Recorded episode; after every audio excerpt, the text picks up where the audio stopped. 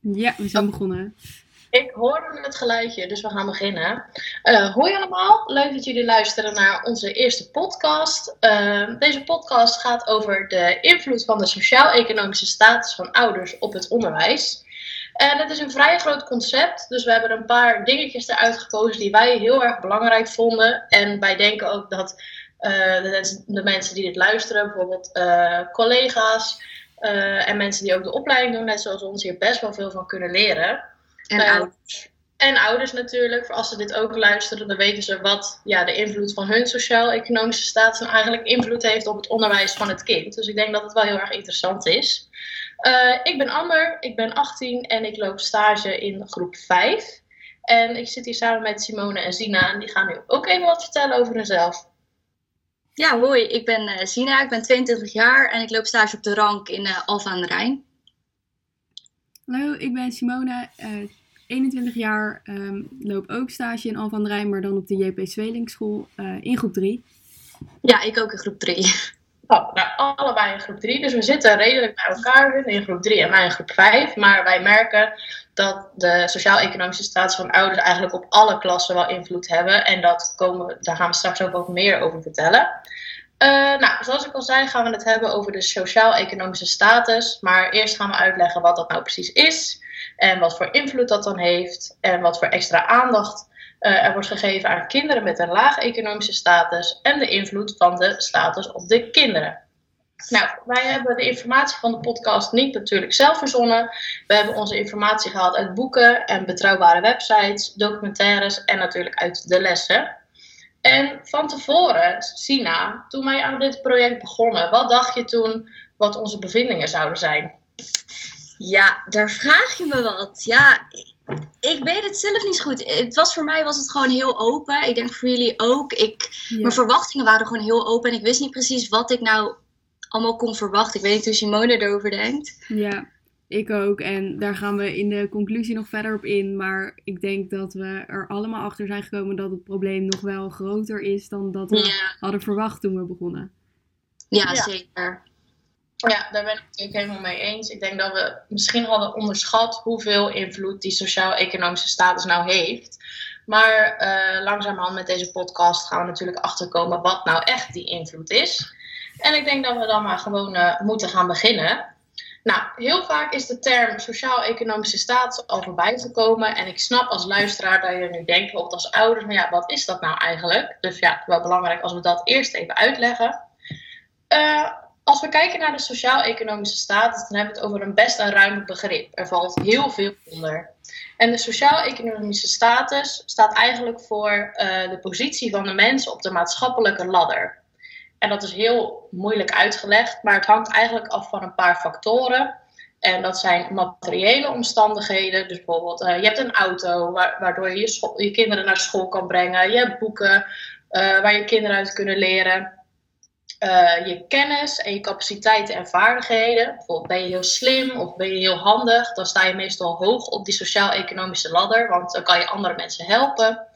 En het sociale netwerk heeft ook zeker betrekking op de sociaal-economische status. Heb je veel uh, mensen om je heen die je kunnen helpen? Uh, heb je veel contacten met buitenland? Dan kun je ook weer helemaal dingen regelen. En dat zorgt ervoor dat je weer hoog op die sociaal-economische ladder staat. Dus dan heb je een hoog sociaal-economische status. Nou, hopelijk is het nu een beetje duidelijk. En dan gaan we over naar Simone. Want volgens mij wil Simone heel graag wat vertellen over die invloed van die sociaal-economische status. Ja, dat klopt. Want dat is waar ons uh, onderzoek voornamelijk op gebaseerd is. Um, wat die invloed van uh, de sociaal-economische status van ouders eigenlijk voor invloed heeft op het onderwijs. En ik heb daar heel veel dingen over gelezen. En uh, als eerste uit onderzoek van de Universiteit van Utrecht is gebleken dat waar ik zelf nooit bewust van was, is dat ouders die een hogere sociaal-economische status hebben ook dus meer kennis hebben over het onderwijs, omdat zij uh, daar zelf meer ervaring mee hebben. En dat die dus ook sneller uh, mogelijke knelpunten bij hun kinderen zien. En ik weet niet hoe dat bij jullie zit, maar ik was daar nooit, ja, ik heb daar nooit op die manier naar gekeken. Dat die ouders dus eigenlijk meer inzicht in het onderwijs hebben door hun eigen ervaring en sociaal-economische status. Ik um, heb daar eigenlijk ook zo nooit echt naar gekeken. Maar daar heb ik ook wel een klein vraagje. Want je hebt het dan over kennis en zo. Maar dat is dus Um, hetzelfde als bijvoorbeeld gezond eten. Dat als ouders gewoon meer kennis hebben over gezond eten, dat ze dat ook meegeven aan hun kinderen en in het gezin en zo. Is dat, bedoel je, is dat ongeveer hetzelfde? Ja, ja, klopt, zeker. En dat heeft dus gewoon eigenlijk te maken met hun ervaring. Ze begrijpen het schoolsysteem beter en ze weten beter hoe het in elkaar zit, want ze hebben het zelf meegemaakt. Ehm, ja, dat klopt. Goede, goede vergelijking inderdaad. En dan had ik nog een artikel en het heette, ja, de naam vond ik al wel heel typerend. Uh, je postcode ehm, bepaalt nog steeds het schoolsucces. En dat zette mij wel heel erg aan denken. Ehm, en dat liet eigenlijk zien dat laag opgeleide gezinnen niet alleen cultureel of sociaal um, minder hebben, maar ook letterlijk minder te besteden. Dus die kinderen die komen op school en die hebben minder ervaring met naar de dierentuin gaan, naar een museum en minder boeken thuis. Dus dat eigenlijk wat wij ook hebben geleerd bij leerkrachten is die kapstok waar ze mee binnenkomen, die is nog heel leeg. Want hun hebben ook letterlijk minder te besteden om daar aandacht ehm, voor hun kind aan te geven. Ja, ja, ja. Nu, je dat zo, nu je het er zo over hebt, dan zit ik terug te denken aan mijn tijd toen ik op de basisschool zat. En zelf, ja, ik kan het niet echt compleet betrekken op mezelf. Want naar mijn idee kwam ik nooit echt iets tekort. Ondanks dat mijn moeder ook gewoon weinig geld had vroeger. Maar als ik dan denk, ik had vroeger wel een jongetje in de klas en die had ook niet veel geld. En als je daar zo over terugdenkt, dan, dan begin je dingen op te merken. Maar vroeger helemaal niet in de klas. Nee, Amber, hoe denk jij daarover? Nou, ik denk als ik dit allemaal aanhoor, dan denk ik gelijk aan het begrip kansongelijkheid. Maar dat ook dat we dat aan elkaar kunnen koppelen. Ja, ja, inderdaad. Want, dat zijn de uh, twee begrippen die het meest... Dat is natuurlijk uh, dat niet alle kinderen dezelfde kansen krijgen om zich optimaal te ontwikkelen. Dat uh, begrip wordt heel mooi uitgelegd in het artikel van Slot 2020. maar hoe uit dit zich dan met die kansongelijkheid en met ouders die een hoog sociaal-economische status hebben? Wat voor invloed heeft dat dan? Uh, nou, bijvoorbeeld kinderen van ouders met een laag economische status komen vaak op scholen in achterstandswijken. En dit versterkt eigenlijk dat idee van kansongelijkheid. Want kansongelijkheid ontstaat op het moment dat kinderen niet uh, de kans krijgen om optimaal te ontwikkelen. Dus het liefst zouden we hebben dat alle kinderen thuis boeken hebben, naar museums gaan en alle mogelijkheden, zowel op school als thuis, in hun omgeving hebben om zich helemaal te ontwikkelen. En kansongelijkheid ontstaat gewoon op het moment dat, um, dat dat niet zo is en dat een kind niet al die invloeden heeft.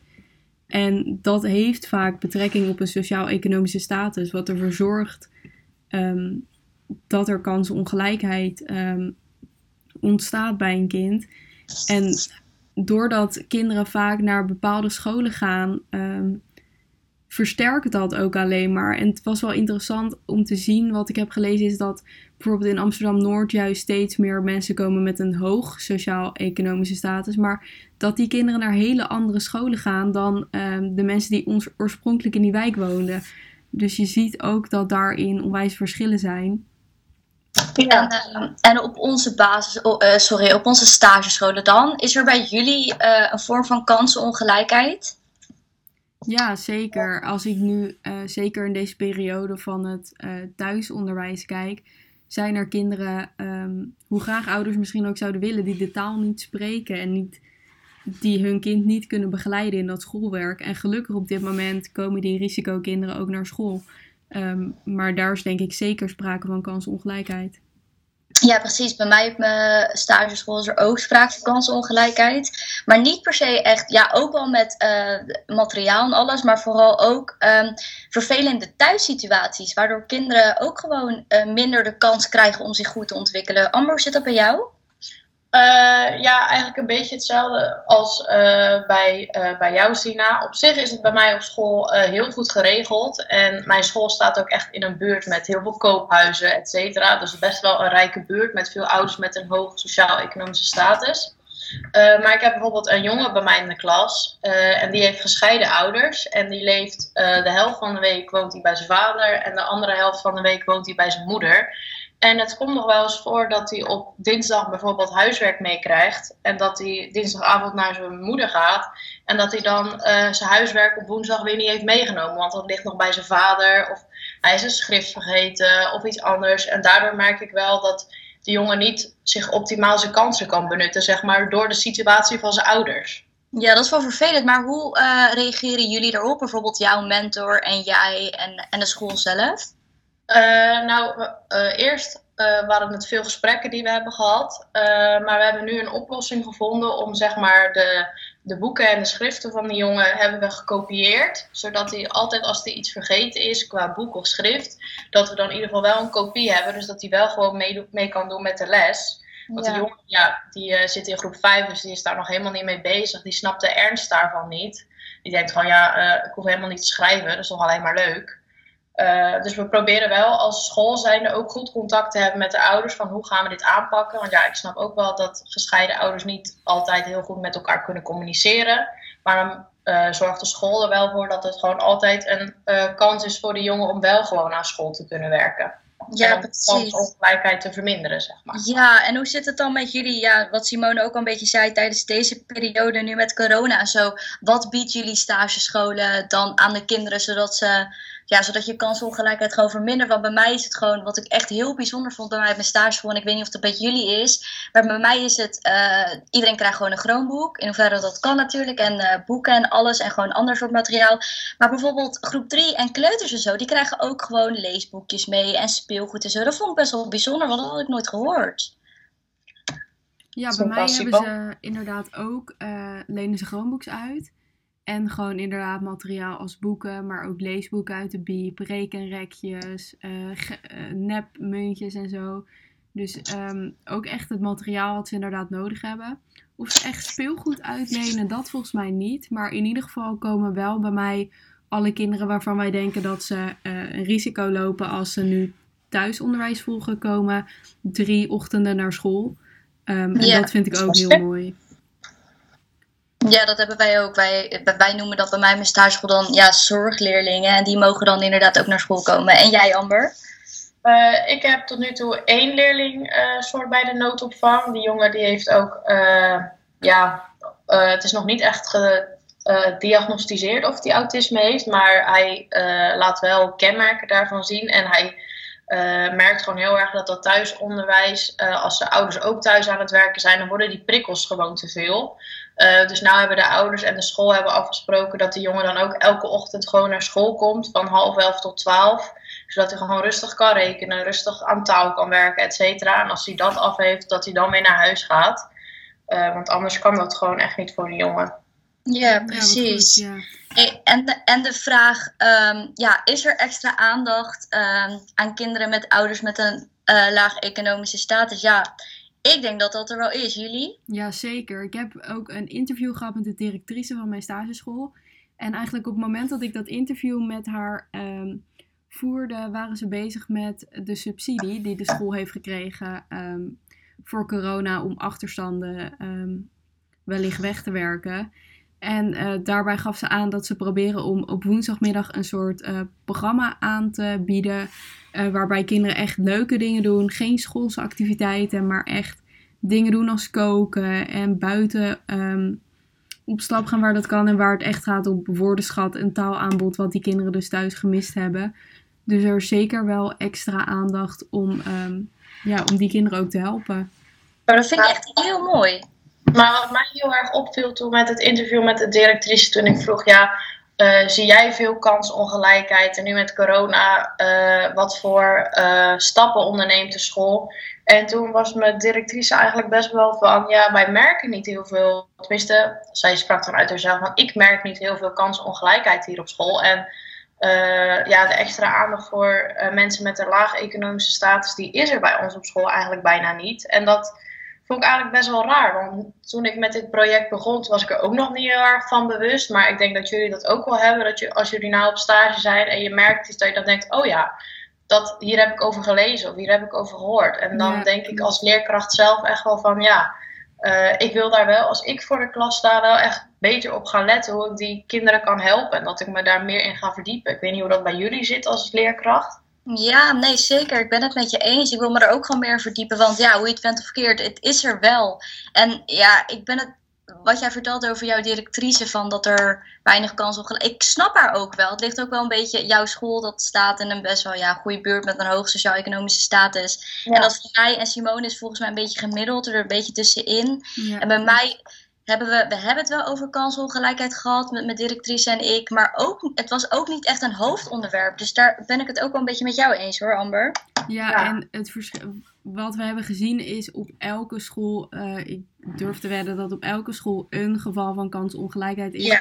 Maar het is, in, het is gewoon een feit dat het in de ene wijk en op de ene school erger is dan op de andere school. En een voorbeeld wat we daarvan hebben gezien is in de documentaire Klasse. En die eh, is opgenomen in Amsterdam-Noord. En daar werd gekeken eh, naar hoe er elke dag werd gestreden voor gelijke kansen bij deze kinderen.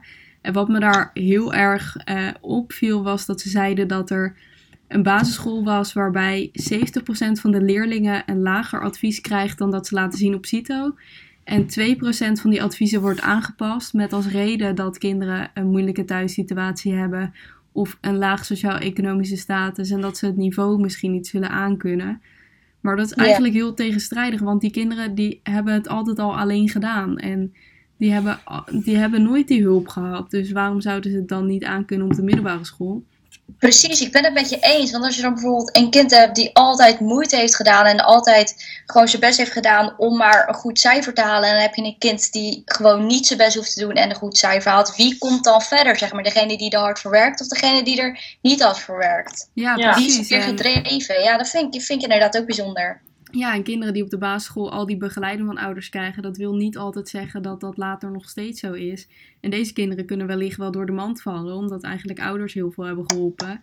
Ehm, maar die kinderen die een hogere CITO-score hebben waarbij het niet wordt aangepast, ehm, dat is gek, want die kinderen hebben zichzelf al bewezen. Dus dat was wel heel interessant aan deze documentaire. Ja, precies. dat ook heel erg veel te maken heeft met eh, vooroordelen over dat soort mensen. Ja, En ik denk dat heel veel leerkrachten eh, of mensen in het onderwijs nog best wel veel kunnen leren van eventjes gewoon geen vooroordelen hebben over mensen. En gewoon, oké, dit kind laat deze resultaten zien. eh, dan moeten we hem ook gewoon sturen naar het onderwijs op zijn niveau. Want anders, ja, dat is toch ook niet goed voor dat kind. Nee, en nu, je dat, nu we het over vooroordelen hebben, wat me net binnen schiet, is eh, toen ik het met mijn directrice ook over vooroordelen had, dat was wel heel grappig. Op mijn school hebben ze, ja, ze hebben overal vooroordelen. Ja, we hebben allemaal wel eens vooroordelen, maar op mijn stageschool dan ook. En dan ehm, zat er een, eh, een jongetje zat bij mij op mijn stageschool en dat was, ja, die had gewoon een aantal, eh, aantal dingen. Die moest uiteindelijk naar, ook naar speciaal onderwijs. En toen kwam zijn broertje of zijn zusje volgens mij, die kwam een paar jaar later naar school. En toen hadden al die docenten, die leerkrachten, hadden al een voordeel. Want ze hadden natuurlijk al ervaring met, eh, met haar broer, met zijn broer. Maar, en dan hadden ze gelijk voordelen op, op dat broertje of zusje. En dat is, ja, dus eigenlijk had dat kind al kansenongelijkheid. Ja. Ja. Ik herken dat ook heel erg bij mezelf, want ik heb ook een oudere broer en we gingen ook naar dezelfde basisschool. En mijn broer heeft ADHD en eh, die werd nog best wel veel gepest in de klas en kon het ook niet met alle docenten goed vinden. En inderdaad, toen ik op een gegeven moment ook op, de, op diezelfde basisschool kwam, toen was het inderdaad zo van, oh, dat is, eh, dat is er eentje van, zeg maar. Ja. Ja, dat je daar echt al gewoon op, eh, op, ja, niet echt op afgerekend, maar je merkt wel heel erg inderdaad dat de kansen gewoon anders zijn. Precies. En maar merkte je dat dan ook ehm, qua doen en laten met, met de leerkrachten daar? De- deden ze ook echt anders tegen je? Praten ze anders tegen je? Hoe, de- hoe deden ze tegen je? Nou, op dat moment had ik het nog niet heel erg door natuurlijk, want dan ben je nog zo jong, dan, dan ja, dat eh, realiseer je niet echt. Maar ik weet nog wel één docent, en daar had mijn broer ook altijd ruzie mee. En hij had ook één keer zo'n erge ruzie dat hij een tafel op de docent van zijn, op de teen van de docent gooide. Dus dat was echt eh oorlog daar, zeg jeetje. maar. Ja, Ja. en toen ik op een gegeven moment in die klas kwam, toen eh, weet ik nog dat die leraar heel erg verbaasd was dat ik zo aardig was tegen hem. Dat ik gewoon normaal deed en gewoon eh, ja, niet echt onrust eh veroorzaakt of zo. En ik weet nog dat ik nog een gesprek met hem had en dat hij zei zo, ja, dit had ik in, da- in het begin echt niet verwacht dat jij zo anders zou zijn. Mhm. Ja, Dus dan bizar. Zie je maar weer dat die docent een vooroordeel had en dat, eh, dat hij daarop terug is gekomen. Ja, ja, bizar is Ja, en daarin kunnen we denk ik allemaal, eh, Ja. allemaal nog wel eens iets leren van kinderen. Want ik heb ook gesproken met kinderen op mijn stageschool. En die waren er dus eigenlijk compleet van overtuigd dat die sociaal-economische status helemaal geen invloed heeft op jouw onderwijs als kind zijnde. En eh, dat, dat, dat je gewoon je best moet doen. En dat het niet uitmaakt wat voor beroep je ouders doen of hoeveel geld ze hebben. En toen legde ik ze wel een situatie voor uit de coronaperiode. Um, waarin sommige kinderen het lastiger hadden thuis. En toen begon er wel een kwartje bij ze te vallen van een leerling in hun klas die daar inderdaad mee te maken had. Ehm, maar verder, nee, ze, ze waren er gewoon van overtuigd dat dat, dat dat geen invloed heeft. Ik weet niet wat jullie ervaring daarmee is, maar ik vond dat eigenlijk wel mooi. Nou, ik had dat ook met kinderen in der. Maar als we er zo over nadenken, kan je het zich kwalijk nemen? Want hoe zouden wij reageren op de basisschool? Ik denk ik, dat ik precies zo zou reageren, omdat ik me er zelf niet bewust van was. Nee, zeker. En toen ik op de basisschool zat, had ik ook totaal geen besef van die verschillen in de klas en wat, de, wat de invloed daarvan was. En ik denk dat ik me er pas bewust van werd toen ik au pair was in Amerika en zag hoe de verschillen daar zijn, zeg maar. Met uh, de kinderen waar ik op paste, die echt naar privéscholen gingen en naar enorm veel bijlessen om hoge cijfers te halen. En kinderen die daar gewoon weinig kans hebben omdat ze naar een slechte school gaan. Toen besefte ik me wel dat wij in Nederland ook die verschillen hebben en niet zo groot. En zeker niet in, in scholen met privéscholen, maar wel Ehm, die sociaal-economische status die wel effect heeft. Maar ik denk als kind dat je dat niet inziet. Maar vinden jullie dat iets moois? Of wat vinden jullie ervan? Dat kinderen op die leeftijd op de basisschool zich er niet zo bewust van zijn? Vinden jullie dat, dat ze er meer bewust van moeten zijn? Of vinden jullie het wel prima zo, omdat ze ook kind moeten zijn en daar nog niet echt over na hoeven te denken? Wat vind jij, Amber? Uh, nou, ik vind sowieso, laat kinderen nog even kinderen zijn. Er zijn genoeg problemen in de wereld waar kinderen echt zich nog niet uh, zorgen over hoeven te maken. Maar ik denk wel dat je er uh, in de klas aandacht aan kan besteden. Niet heel veel, je hoeft niemand af te kraken. Maar je kan bijvoorbeeld wel het hebben over, hé, hey, dat zie ik op mijn stageschool heel erg. Van hé, hey, wij wonen in een best wel rijke buurt en jullie hebben altijd wel gewoon een computer ter beschikking of een laptop. Of mama en papa kunnen jullie altijd naar uh, naar een museum meenemen. Maar dat is uh, niet voor iedereen zo.